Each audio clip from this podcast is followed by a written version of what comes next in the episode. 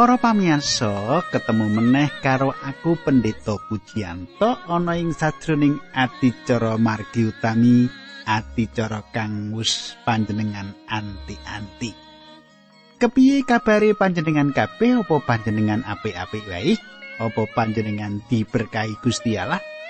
Iyo pandungaku saka batu panjenengan tangsa diberkahi tining Gusti jinangkung karo Gusti lan pinaringan bagas waras saka Gusti. Temtune pandonga iki uga diaturake panjenengan kanggo aku supaya aku uga pikantuk karaharjan lan bagas waras. Nah katangku sugeng midhangetake adicara iki.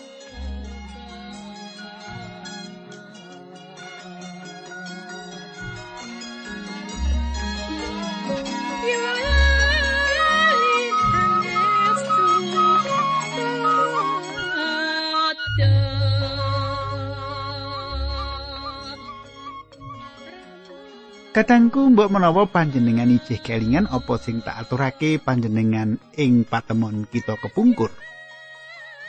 Ing patemon kita kang wis kita sinau kepungkur, kita ngegilut bab rawe malaikat Jibril sing ngetingal marang Imam Sakaria lan malaikat mau paring dawuh bab laire Yohanes Pembaptis.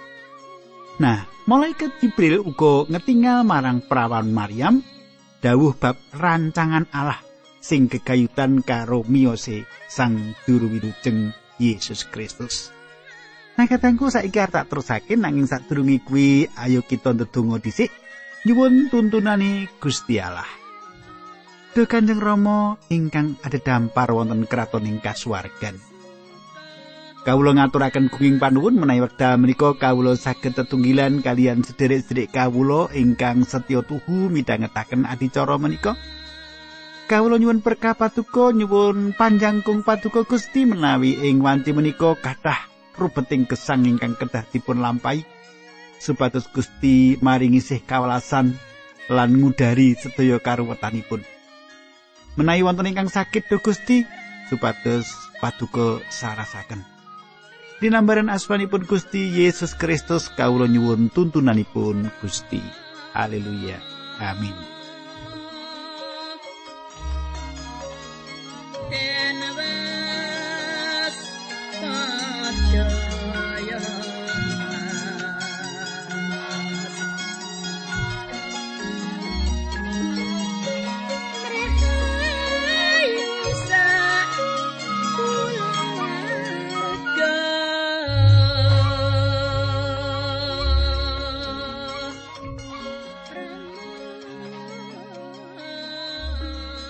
Katangku kang dak tresnani, aku dina iki nggunakake kitab suci basa pedinan awit saka iku rada beda tatanan bahasane nanging isine padha.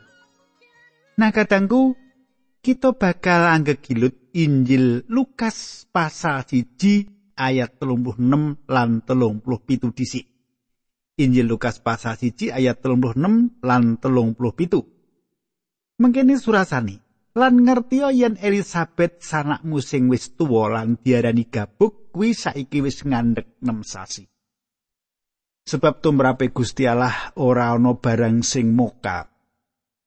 Kadangku kelairane Yohanes Pembaptis uga sawijining mukjizat. Nanging ora kanthi kelairake dening perawan. Pangandikane malaikat sebab tumrape Gusti Allah ora ana barang sing moka. Pratelane malaikat iki kudu dadi cekelan kita uga. Dadi patokan, dadi sendenan kanggo urip kita. Ana saweneh wong sing meleset-melesetake pranyatane malaikat iki lan dadekake tegese ora cetha. Pancen tumrape Allah ora ana barang sing mokal. Yen panjenengane wis ngersakake ora ana sing mokal. Panjenengan apa percaya babagan iki? Kulo pitados, Pak. Nah, kudu percaya. Awit nalare menungso iki winates ning nek Gusti Allah panguasane ora winates. Minangka cecere wong percaya, kita kudu percaya apa sing dingendikake malaikat nek tumrape Gusti Allah ora ana barang kang moka. Nanging sing ora bakal ditindakake Allah yaiku bab sing moka sing kita suwun. Akeh wong sing migunakake ayat iki kanggo pepinginani sing klise, sing padha lan sing egois. Ora ana barang sing mokal tumrape Allah. Nanging kanggo kita, panjenengan lan aku akeh banget bab-bab sing mokal. Nalika ana wong kandha, ora ana sing mokal mungking Allah lan gagal nindakake jarene apa sing dikersake Allah marang dhewe. Bisa uga wong iku banjur nyawiyah marang Allah. Apa sing dikersake Allah mesti bakal ditindakake dening Allah jalaran ora sing mokal tumrap panjenengane Allah. nanging bab iku ora kabeh ditindakake apa sing disuwun dening para wong prataya jalan sing ora kecakup ing kersane. Mula kita kudu mapanake samubarang karepe ati sing bener sadurunge nindakake pakaryan supaya hasil sing bakal kedadian ora mitulungi lan malah gawe rusak peladosane Gusti Yesus Kristus ing panggonan iku. Ayat telung puluh wolu mangkini surat. Maryam banjur matur. Kawula menika abdinipun pangeran. Sedaya wau kalampahana tumraping kawula kados ingkang panjenengan ngendikaaken menika. Sawise mengkono malaikat mau banjur nilar Maryam. Katengku kaya ngopo nggone Maryam andap asor ing ngarsane Allah. Maryam matur, "Kawula menika abdinipun pangeran. sedaya wau kalampahana tumraping kawula kados ingkang panjenengan ngendikaaken menika katangku iku jawaban sing gawe renane penggali Allah mula malaikat Gabriel nilarake Maryam Kedadian bab lair Sang Kristus lantaran prawan Maryam iki kudu dipertoyo. kaya dene percaya marang wungune Sang Kristus saka antarane wong mati. kedadian loro-lorone ora bisa dipisahake. Sawise sawetara wektu Maryam kepingin nyambangi sedulure jenenge Elizabeth sing manggon ing Parden Yudea bab iki ditulis ing kitab suci. Coba panjenengan semak Lukas pasal siji ayat telung nganti patang siji. Ora let suwe Maryam banjur lunga menyang sawijining kutha ing tanah Yudea sing dununge ana ing pegunungan. Ana ing kono Maryam jujuk ing omahe Imam Sakaria nalika mlebu ing omah mau Maryam celuk-celuk karo aweh salam marang Elizabeth. Bareng krungu suarane Maryam aweh salam mau bayi sing ana ing wetenge Elizabeth ngrunjal mergo kapenuhan dening Sang Roh Suci. Katangku, apa sing kita sinau iki sawijining mukjizat sing ora perlu dijelasake kanthi alasan-alasan alamiah. Sebab apa? Sebab iki sawijining kasunyatan. percaya apa ora nguwatirake yen kita wong Kristen sing sok intelek banjur jelasake mukjizat sing digathuk-gathukake karo ilmu kasunyatan iki ora perlu digolekake alasan-alasan sing muspro ora ana gunane wong wadon iku kapenuhan ing Sang Roh Suci lan bayine nglumbo ing padarane Elizabeth ayat patang doloro Elizabeth banjur ngucap kelawan swara seru. Kowe wong sing bejo dewi ana ing antarané wong wadon kabeh, mengkono uga binerkah ana bayi sing kok kandhut kuwi. Kadangku, iki sawijining kidungan sing indah sing ditulis ing Injil Lukas.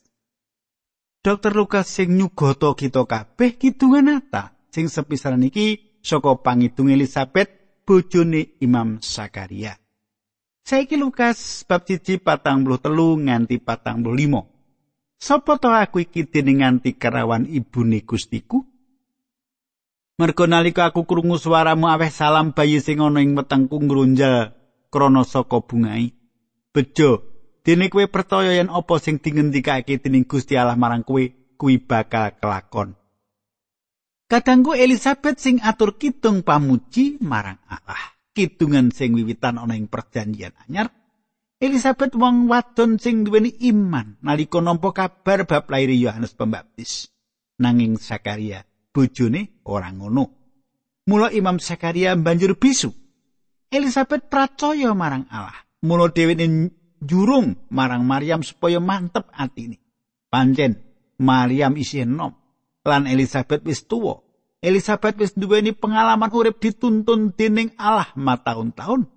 Nuli Elizabeth ngiyakinake marang Maryam yen apa sing dikandhakake iku bakal dadi kasunyatan. Mula Elizabeth pantes yen entuk pangalembono munggo imani, ketabahani. Pangalembono iki tumuju marang pemujane Elizabeth awit dhewekne manungsa wadon lumrah kaya dene perawan Maryam. Nalika Maryam nyambangi Elizabeth, Maryam merokake pambombong saka Elizabeth sing duweni pengalaman luwih akeh jalaran umure urip sumindi marang kersane Allah. Lukas bab 1 ayat 46 nganti 48. Maryam banjur ngucap mengkene, nyawaku ngluhurake pangeran lan atiku sukorno mergo Gusti Allah juru slametku. Mergo panjenengane ngatekake aku abdine sing nista wiwit saiki saben wong bakal ngarani aku wong bejo. Kadangku saiki ganti Maryam sing atur pangitung. Ing kidungane Maryam mene panggula wentah marang kita ing kidunge Maryam butuhake juru wilujeng. Lan bakal sukarno ing dalam asmane sang juru wilujeng iku Maryam kita sebutake wanita sing diberkahi dening Allah kita ora bakal nyembah Maryam kaya dene dewi pemujan nanging kita nyebut Maryam wanita sing diberkahi dening Allah. Sawijining kaurmatan tumrap Maryam yen diparingi kalodangan dadi biung putrane Allah, mbabarake sang timur ing jagat. Ora jalaran kabeneran Maryam dipilih dening Allah. Pancen kaya ngono nyatani, pamilih Allah marang Maryam iki sawijining pepesten lan Allah ora bakal kliru yen tumindak. Coba panjenengan pidhangetake kidungan iki. Lukas siji ayat patang puluh songo nganti seket limo. Mungkin surasani. Awit Gusti Allah kang moho kuwasa wis nindakake pakaryan sing pinunjul ing ngatasé aku, mula asmane kasucekno. Pangeran melasi wong sing wedi asih marang panjenengane turun temurun. Gusti Allah mbuyarake wong sing padha angkuh srana panguasane astani lan rancangane wong mau digawe kocar kacit. Gusti Allah nglorot para panguwasa saka ing kalungguhani lan wong sing asor diluhurake. Gusti Allah maringi pangan wong sing padha keluwen srana peparing sing becik nanging wong sugih ditundung tanpa diparingi apa-apa. Gusti Allah nulungi Israel abdine awit arep netepi janjine marang leluhure. Ya kuwi janjine nggone bakal maringake sih rahmate marang Abraham lan turun-turune kabeh ing salawas-lawasi. Kadangku Maryam ngitung Allah nedahake kuasane lan yayasane astani. Coba panjenan semak Yesaya saya ketelu ayat siji. Wang sulani umate Allah. Sopo sing ngandel karo kabar sing kita rungu. Lan sopo sing ngerti yen kuwi kabeh pakaryane Allah. Kadangku. Nyemak pangandikane Gusti saka kitab Yesaya iki. Yesaya nuli njlentrehake cempene Allah sing nebus dosane manungsa. Allah wis ngetingalake kekuatan astane, nedahake kuwasa lan katresnane ing sadurunge kawilujengan sing disediakake kanggo kita manungsa. Kidungane Maryam uga nyebutake asmane Bapa Abraham. Panyebutan asmane Bapa Abraham luwih akeh ketimbang priagung liyane ing perjanjian lawas.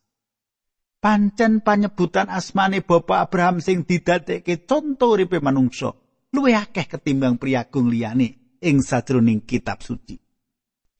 Ayat 56. Maryam enggone ana ing omah Elizabeth nganti wetara tulung sasi nuli mulih. Katangku. Sepanjure ing pasal iki nyritakake kelahirane Yohanes Pembaptis lan kitung Sakaria. Ayo kita semak bab-bab sing wigati iki. Saiki ayat 50 pitu nganti seket songo tekan swidak sisan ya mangkene surasane bareng wis tekan mangsane Elizabeth banjur mbabar putra kakung Tonggo teparo lan sanak sedulure padha krungu bab gedhening sih kadarmane pangeran sing kaparingake marang Elizabeth wong-wong mau padha melu bungah banget Nalika bayine umur wolung dina tonggo teparo lan sanak sedulure mau padha teka arep netaki bayine karepe wong-wong mau bayine arep padha dijenengi Sakaria kaya bapakne. Nanging ibune muni aja bocah iki kudu dijenengake Yohanes.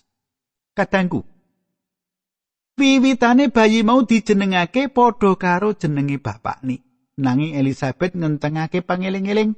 Nalika karawan malaikat supaya bayi sing lagi lahir iki dijenengake Yohanes Saiki Lukas 1 ayat 21 nganti 5. Wong-wong mau nuli padha muni, "Lho, ing antarané sedulur-sedulurmu ora ana to sing jenenge Yohanes?" Nuli padha takon marang Zakaria nganggo sasmita, bayi mau arep dijenengake sapa? Zakaria nuli njupuk sabak lan nulis sing sabak mau jenenge Yohanes. Wong kabeh padha gumun banget. Senalika iku go Zakaria bisa caturan lan ngluhurake asmane Gusti Allah. Nalika jaman iku saben anak bayi lahir jenengake jenenge keluargane. Nalika pitakonan bab sapa jenenge bayi, para tamu saka keluargane Mira yen arep dijenengake Sakaria. Elizabeth nuli benerake usulan jeneng mau senajan para keluarga seneng jeneng Sakaria kuwi mau. Jalaran Imam Sakaria bisu mula banjur nulis jenenge si jabang bayi jenenge Yohanes. Dheweke wis diparingi jeneng dening Allah. Kadangku para tamu dadi padha iram atase jeneng mau. Sawise iku Sakaria banjur bisa geneman lan banjur memuji asmane Allah. Senatan imane Imam Sakaria kepetung cilik nanging bareng bayi mau lahir Imam Sakaria banget syukurna ana ing asmane Allah. Iman sing wah gingsir sing dialami dening Sakaria iki kaya iman sing lumrahe kita duweni panjenengan lan aku. Nalika alami dangetake lan paring jawaban pandungo, kita kaya ditangekake saka turu lan ati kita kebak ing sukarana. Kenapa yo Allah mung jawab sebagian pandungane para umat? Mongko para umat iki bisa kawastanan wong suci jalaran kasucikake saka sabdani Allah. Sang saya mateng imane ing kahanan apa wae bakal ditampani kanthi sukarno. Nanging yen anggone duweni iman mekar mingkup, kahanan atine gampang kena guduk. Tonggo teparone kabeh padha wedi lan pawarta mau kawantar ing daerah pegunungan Yudea kabeh. Saiki ayo ngatekake ayat 26 nganti 29. Wong kabeh sing padha krungu bab lelakon pinuli padha mikir lan takon ing sadroning atine. Bocah iki besok bakal dadi apa? Mergo cetha yen panguasane Allah nunggil karo bocah mau. Imam Zakaria bapakne si bayi Yohanes mau nuli kapenuan ing roh suci sarta medar pameco mengkini. Ayo padha memuji marang pangeran Allah bangsa Israel. Gusti Allah wis rawuh nyelametake umat lan padha diluwari. Gusti Allah maringi juru slamet sing kuwasa marang kita, ya kuwi turune Sang Prabu Daud abdine. Katengku kang ndak tresnani Yohanes iki bakal dadi wong sing peng-pengan. Sangang sasi Zakaria dadi bisu sadurunge Yohanes lair. Nanging dheweke sing ora bisa omongan iki uga nduweni kitung sing diaturake minangka pamujine marang Allah. Kitung sing sepisanan saka Elizabeth, sing kapindho saka Maryam lan sing katoliki saka Zakaria. Zakaria bakal ngitungake pangitung marang Allah. Kidungi ngandut pameco. Senadan Zakaria iki dudu trai Daud, nanging Sakaria dening Allah diparingi pangerten yen anake sing lahir iki bakal dadi cucuk lakune Yesus Kristus juru wilujeng kaya dene sing diwetakake Malayaki lan Yesaya. Yohanes Pembaptis sing bakal ngundangake woro-woro bab rawe Sang Mesias. Saiki Lukas 1 ayat 70 nganti 75. Gusti Allah dek biyen wis janji lumantar nabi kang suci yen kita bakal diluari saka tangane mungsuh-mungsuh kita lan saka panguasane wong sing padha sengit marang kita. Supaya srana mengkono panjenengan ngetingalake sih kadarmani marang para luhur kita sarta netepi janjine sing suci. Gusti Allah wis supaos marang leluhur kita Abraham lan wis janji arep nuwari kita saka mungsuh kita supaya kita bisa ngabekti marang panjenengane tanpa rasa wedi. Ayat 75 ing Allah wis maringi janji marang bapa Abraham, Zakaria, Elizabeth dan Maryam tetap percaya marang janjiku yen bakal dijangkepi dening Allah. Kadangku janji ini Allah iku langgeng selawase. Senajan ing jaman iki isih ana wong-wong sing ragu-ragu, tido-tido marang kasetyane Allah kanggo jangkepi janjine kanggo kita. Yen panjenengan percaya isine Yohanes 3 ayat 16 bisa kagem cekelan sing kukuh ing gesang panjenengan. Saiki Lukas 1 ayat 76. Dene kowe ngger anakku, kowe bakal disebut nabi ni Gusti Allah sing Maha Luhur. Kowe diutus dening Gusti Allah minangka utusan sing disi tindake perlu nyawisake dalan kagem panjenengani. Sarto nuduhake marang umat yen umat mau bakal dislametake srana pangapuraning dosa sing bakal diparingake marang umat mau. Pengiran Allah kuwi lumo. Sarto akeh si piwelase panjenengane bakal rawung luari kita. Padha kaya srengenge mlethek ing wayah esuk. Mengkono panjenengane bakal madangi marang saben wong sing padha urip ana ing pepetenging dosa lan tansah krasa wedi. Gusti Allah nuntun kita marang dalaning katentreman. Ayat 80 anak Imam Sakaria mau saya mundak gedhe lan jiwane saya sentosa bocah manggone ana ing ora samun nganti tekan dina mateke dadi nabi ana ing Israel. Katangku, Yohanes Pembaptis ketimbalan dadi nabi ni sing maha luhur. Dheweke kudu ndisi laku minangka cecala. Cutu ing laku nyawisake rawuh sang Mesias ya kuwi Yesus Kristus juru wilujenge jagat. Yohanes wis ngerti yen panjenengane wis ana tengah-tengahe para kawulane. Yohanes wis kawisuda nampa tugas sing wigati kanggo keselamatane manungsa. Ya kuwi tugas sing diparingake Allah marang Yohanes. Lan Yohanes nampeni tugas lan kewajiban iku kanthi kebak katresnan. Nah katangku kang dak tresnani. Tak kira semene dhisik atur giaran iki. Muga panjenengan kaparingan berkah rohani kang akeh. Ayo kita ndedonga bebarengan. Duh Kanjeng Rama ing swarga kawula ngaturaken gunging panuwun menawi wekdal menika kawula saged midhangetaken kayektosan sabda pangandikan paduka. Kawula pasrahaken wonten ing asta paduka sedherek kawula menika supados tambah kawruh babagan karohanen. Dinambaran asmanipun Gusti Yesus Kristus kawula ndonga. Haleluya. Amin.